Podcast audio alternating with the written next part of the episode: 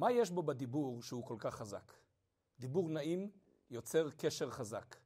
דיבור לא נעים, דיבור שלילי, יוצר נתק חזק.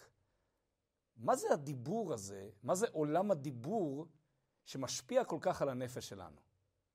ואיך כל זה קשור לחג השבועות שמתקרב ובא? בפתח אליהו, שהוא קטע מהזוהר הקדוש, מופיעות הספירות הקדושות כמבנה גוף האדם. שם מתוארת מידת החסד כיד ימין, מידת הגבורה כיד שמאל, וכך הלאה. כשזה מגיע לספירת המלכות, הספירה האחרונה, היא מתוארת בשם פה. מלכות, פה.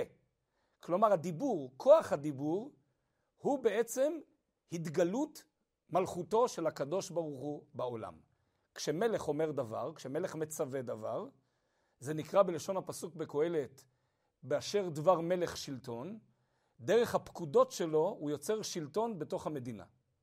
הקדוש ברוך הוא ציווה על דברים בתוך התורה ומצוות, על תפילין, על שבת, על ברית מילה. המצוות שלו, הפקודות שלו, הם הפה שלו, הם הדיבור שלו, וזה הדבר שמחבר אותו אלינו ואותנו אליו. אבל היום אנחנו נדבר בעיקר על תיקון המידות. והיות ואנחנו נמצאים בשבוע המלכות, שבוע הדיבור, אנחנו נדבר על המידות בנפש שלנו ועל איך כוח הדיבור שלנו עובר ממקום שלילי למקום חיובי, שהרי זה כל מטרת ספירת העומר. ברוחניות, לתקן את הנפש, להעביר את המידות במשך 49 ימים מהמקום השלילי אל המקום החיובי. להעביר בשבוע הנוכחי, ממוצאי שבת ועד כניסת החג של חג שבועות, להעביר את כוח הדיבור שלנו למקום חיובי.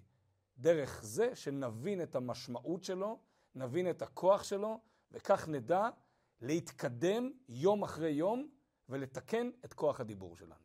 כוח הדיבור שלנו הוא למעשה הכוח שאיתו אנחנו מתקשרים עם הסביבה. לולי היה לנו כוח הדיבור, לא יכולנו לתקשר. כוח המלכות שבתוכנו הוא הכוח שאיתו אנחנו למעשה מתקשרים גם עם הסביבה וגם עם הקדוש ברוך הוא. כלומר, דרך הדיבור הרוחני, שתכף אנחנו נסביר מהו, אנחנו יוצרים קשר עם בורא העולם. למעשה כל המידות עד מידת המלכות, קרי חסד, גבורה, תפארת, נצח, הוד, יסוד, כולם הם מידות שהן בתחום התיאוריה. ברגע שאנחנו עוברים למידת המלכות, זאת המידה הראשונה שמעבירה את הדברים מתחום התיאוריה לתחום המעשה. בעניין הזה גם דיבור נקרא תחום המעשה. אדמו"ר הזקן, רבי שניאור זלמן, מסביר בתניא שלנפש יש שלושה לבושים, מחשבה, דיבור ומעשה.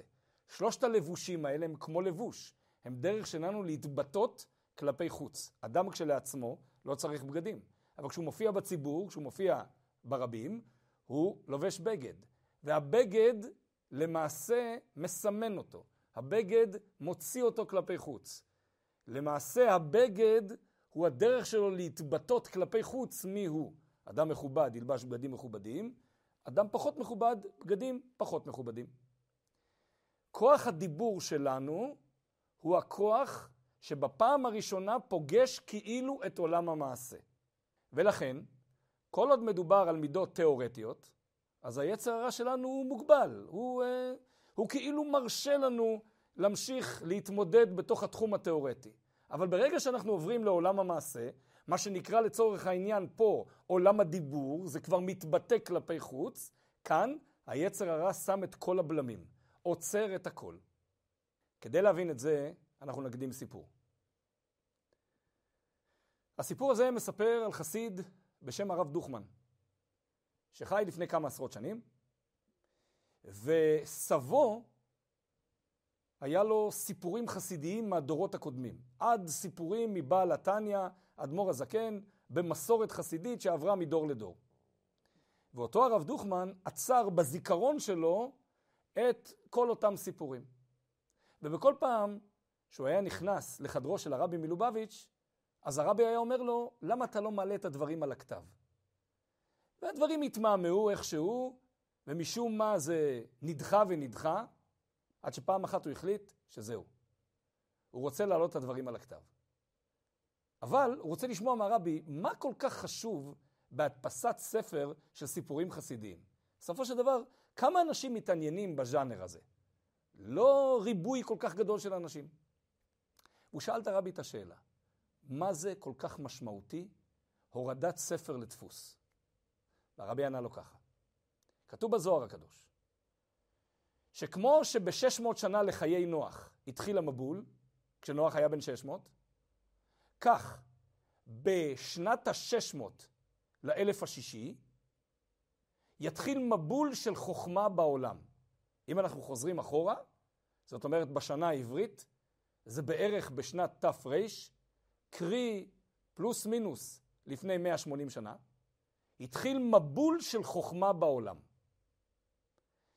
ואם אנחנו נחשוב על איך היה נראה העולם לפני 200 שנה, או לפני 2,000 שנה, הוא לא היה כל כך שונה אחד מהשני. אבל לפני 180 שנה התחילו המצאות של כל מיני דברים שהתפתחו והתפתחו עד למה שאנחנו רואים היום. אז למעשה קרה מבול של חוכמה בעולם. אבל המבול של החוכמה, הוא התחלק לשני חלקים. חוכמה כללית של אומות העולם, או גם של אה, אנשים יהודים, אבל שהייתה נקרא חוכמה בענייני חולין. וחוכמה של יהדות, חוכמה של תורה. ואז אמר הרבי ככה, בעולם יש מאזן. כל ספר שיוצא בקדושה הוא פחות ספר שיוצא בטומאה. ככל שאתה יוצר יותר דברים שיורדים לעולם, בעניין הזה דפוס, זה הורדת דברים לעולם, כך נחסר בצד השני. זאת אומרת, ריבוי האור בצד הקדושה יוצר חסר בצד של הטומאה, וכך עולה הקדושה, עולה ועולה ועולה, עד שהיא מנצחת. הדיבור הוא בעצם הכלי הראשון שבו אנחנו מבטאים את עצמנו כלפי חוץ. בעניין הזה, עשיית המצווה נקראת כמו דיבור. כי כל עוד אנחנו מדברים על הבנת המצווה, זה דומה לששת המידות שקדמו למידת המלכות. אבל כשאנחנו מדברים על מידת המלכות, אנחנו מדברים על עשיית המצווה בפועל. וכאן היצר הרע נכנס לסטרס, למתח, למחלוקת גדולה ולניסיון להוריד אותנו מהעניין של העשייה בפועל. ולמה? הדבר ברור. בגלל שכל עוד אתה חי בתיאוריה, אפשר גם לשלוף אותך החוצה מהתיאוריה. ברגע שנתת עץ בתוך האדמה, והעץ הזה כבר מתחיל לפרוח ולהצמיח שורשים, זה כבר דבר יציב. על אריסטו, אחד, אחד מחכמי יוון, היו מספרים שאחרי שהוא הרצה כל כך על דברים גבוהה גבוהה, מה שנקרא, אז מצאו אותו פעם אוכל ארנבת חיה. שאלו אותו, אריסטו, זה לא מתאים. אז הוא ענה, עכשיו אני לא אריסטו. כלומר, יש אריסטו שמדבר בהרצאות על דברים ברומו של עולם, ויש אריסטו בחיים הפרטיים, אל תערבבו. מספרים על אה, איזשהו יהודי שלמד קבלה. למד והתפתח בתורת הקבלה, ואז ראו אותו אוכל פיתה בפסח. אז אמרו לו, פיתה בפסח? אדם שלומד קבלה? אז הוא אמר, ומי שלומד על uh, משולשים ועל מרובעים, מה, הוא נהיה ריבוע? הוא נהיה משולש? לא. זאת אומרת, יש בנו איזשהו יצר הרע שמנסה להשאיר את הדברים בתחום של מידות תיאורטיות, ולא להוריד אותם לעולם, לא לתת להם שורש בתוך האדמה, לא להוריד אותם לעולם הדיבור, מה שנקרא מידת המלכות. ולכן בשבוע הזה, שהוא שבוע הכנה ממש למתן תורה, כי בסופו יהיה מתן תורה, חג השבועות, בשבוע הזה אנחנו נתקלים בקשיים במידת המלכות, במידת הורדת הדברים לעולם, במידת ההתחייבות שלנו עד כדי ביצוע בפועל. אנחנו הרי יודעים שבסדר הדברים מידת היסוד שעליה דיברנו, מידת היסוד היא מידת ההתקשרות, מידת ההתחברות שלך לדבר. הסדר הדברים הרגיל הוא שככל שאתה יותר מחובר לדברים, אתה גם תוריד אותם אחר כך לעשייה בפועל. שאתה מאמין בדבר, אתה חש את הדבר, אתה מתחבר לדבר, אתה גם תעשה אותו בפועל. לא שייך לדבר אה, על אה, רפואה מסוימת, להאמין בה עד הסוף ולא לבצע אותה בסוף. וכך הלאה בכל תחום.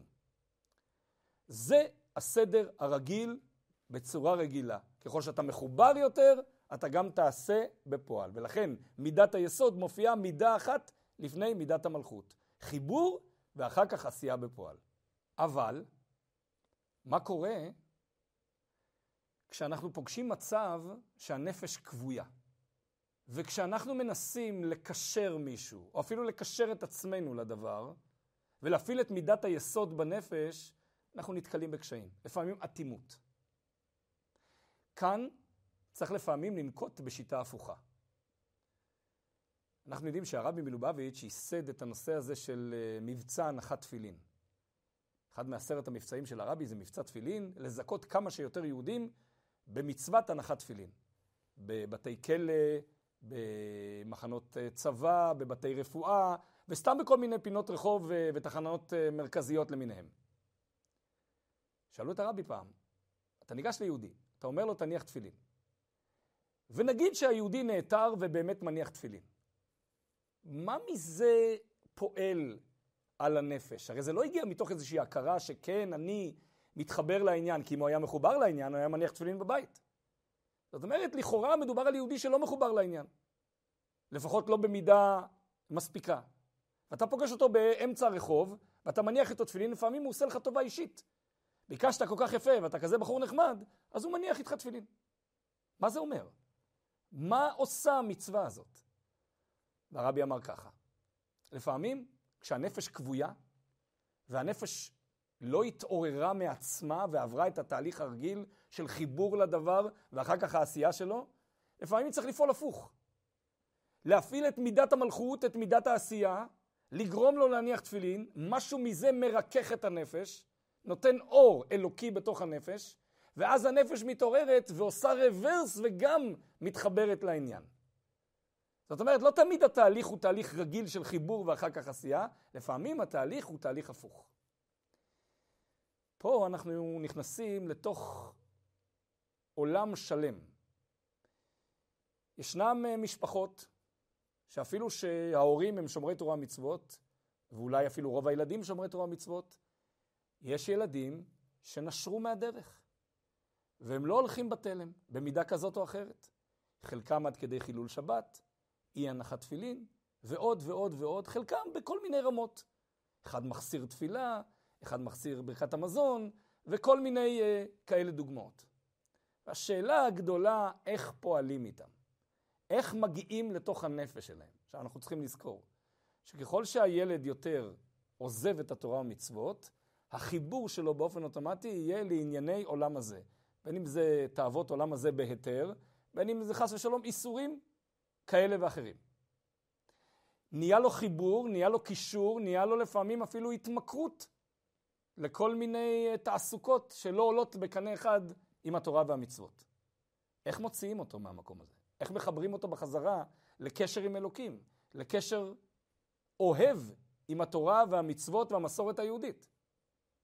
התשובה היא שלפעמים צריך לנקוט בשיטה הפוכה. אפילו לבקש טובה. שמור על מצווה אחת ואותה תקיים באדיקות. דבר פשוט, במרכאות, כמו מודה אני. תקום בבוקר, תגיד, מודה אני לפניך מלכי וקיים וכולי.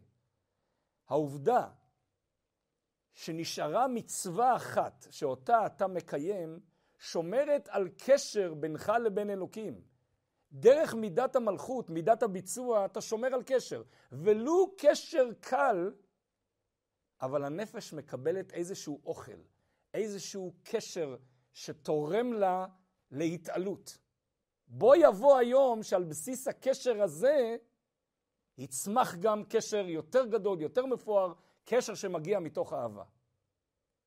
אנחנו בבית, כשהגענו לבית שלנו, מצאנו גינה. שהדיירים הקודמים אה, איכשהו לא התייחסו אליה כמו שצריך ולא השקו אותה אה, בזמן, וחלק מהעצים היו מצב, אה, ממש במצב של מוות. והבאנו גנן שבדק את הדברים, חלק מהדברים הוא אמר להשאיר, וחלק מהדברים הוא אמר, אלה עצים מתים, צריך לכרות אותם ולזרוק אותם לפח, אין להם שום עתיד. היה עץ אחד קטן, שהיה נראה בחיצוניות כמת לחלוטין. והגנן בחושים שלו אמר, אני מזהה כאן איזשהו פוטנציאל של צמיחה. תשאירו אותו ותשקו אותו. תשקו אותו בקביעות כל הזמן, תנו לו מים, ואני מקווה שאולי הוא יצמח. היום העץ הזה הוא עץ של כמה מטרים. עץ שיש בו גם פירות. זאת אומרת, קשר דל, קשר לפעמים בסיסי מאוד, על בסיס משהו קטן ודק, לפעמים יכול להצמיח הרבה הרבה הרבה ענפים ופירות, וקשר מאוד יציב עם הקדוש ברוך הוא. לא לזלזל ולא לקחת אה, מצווה כדבר, אה, מה זה יכול לעשות, וגם אם הוא עשה את המצווה הזאת, מה זה כבר ייתן. תשמור על קשר. פעם זה יכול להיות ציצית, פעם זה יכול להיות תפילין, פעם זה יהיה מודה אני. משהו אחד שהילד יתבקש ממש בתור אה, אפילו טובה אישית להורים שלו. תשמור על הדבר הזה. והדבר הזה יצמיח גם קשר יותר גדול. זה מידת המלכות. כאן אנחנו נמדדים. הדיבור והעשייה בפועל הם מה שמשמח את הקדוש ברוך הוא. בעולמנו שלנו כל כך קשה לבצע את הדברים בפועל. נורא קל לחשוב על כל הדברים בתיאוריה, אבל כשהדברים עוברים לעולם המעשה, הם נתקלים בקושי מאוד גדול, כי היצר הרע יודע שהדברים נמדדים באיך אתה עושה אותם בפועל. כאן אנחנו עוברים לקשר הדיבורי. סיפר לי משפיע מאוד חשוב, שהיה לו שיחה אישית עם אחד הבחורים. והילד אומר לו בשיחה האישית, אחרי שהתקרבו דעותיהם, אומר לו, אבא שלי לא אוהב אותי. נדהם המשפיע, מה זאת אומרת? אבא שלך לא אוהב אותך? נגמרה השיחה, והמשפיע מרים טלפון לאבא. הילד אומר שאתה לא אוהב אותו. אבא אומר, מה זאת אומרת לא אוהב אותו? איך יכול להיות? אני עובד קשה כל שעות היום כדי שיהיה פרנסה בתוך הבית, אני עושה כל כולי לטובת הילדים, איך אפשר להגיד שאני לא אוהב את הילדים? חוזר המשפיע עם האמירה הזאת לילד, לבחור. אבא אומר שהוא עושה הכל בשבילך. כן, הוא אומר, אבל הוא לא אמר לי שהוא אוהב אותי. כמה חשוב האמירה, כמה חשובה ההורדה של הדברים לעולם. נכון שבמסגרת הדברים, שבמעטפת של הדברים, אנחנו עושים ומשתדלים לטובת הילדים שלנו. אבל האמירה בפועל היא כל כך חשובה. מילים, כמו שפתחנו בהתחלה, מילים יש להם משמעות. מילים חיוביות יכולות ליצור קשר גדול וחזק ובוער. ומילים שליליות והרמות קול וצעקות יכולות ליצור בדיוק את ההפך, כי לדיבור יש משקל כל כך גדול. בשבוע הזה, שזה השבוע הסופי, ההכנה למתן תורה, ידוע שלפני האור הגדול מגיע חושך. לפני שיש הנץ החמה, יש חושך מאוד סמיך. כי לפני אור גדול מגיע חושך גדול. לפני מתן תורה אנחנו ניתקל בקושי. כי מתן תורה זה למעשה מתן תורה שמתחדש כל שנה. זה מתן תורה שאנחנו שותפים בו כל שנה מחדש, וכל שנה הוא רק מתעלה. כי המתן תורה של שנה שעברה שייך לשנה שעברה. אבל עכשיו אנחנו התבגרנו בשנה, אז יש לנו מתן תורה עוד יותר עמוק, וקשר יותר גבוה עם הקדוש ברוך הוא. ודיבור, הורדה של דברים לעולם באופן יותר עמוק וחזק. אבל היצר הרע לא עוזב אותנו. והיצר הרע יעשה את הכל כדי שהדברים לא ירדו, לא לעולם הדיבור ולא לעולם המעשה, אבל אנחנו, כמובן, כיוון שאנחנו מגיעים מוכנים, אנחנו לא ניתן לו. והתיקון המידה שלנו בשבוע הזה, חסד שבמלכות, גבורה שבמלכות, וכך הלאה עד מלכות שבמלכות, הספירה האחרונה, יתקן את המעשה בפועל, את הדיבור שלנו, דיבור יותר נעים, יותר עדין, יותר משכנע, ודרך אהבה וקירוב הלבבות נוכל לקרב את כולם לאבינו שבשמיים. נסיים בברכה של הרבי הקודם, רבי יוסף יצחק, שאמר, קבלת התורה בשמחה ובפנימיות. כשאנחנו נשדר שמחה, כשאנחנו נשדר אהבה, יהיה לכל הסובבים אותנו גם קבלת תורה בשמחה, וממילא גם הדברים ייכנסו בפנימיות, ונזכה בעזרת השם לגאולה שלמה במהרה בימינו, אמן.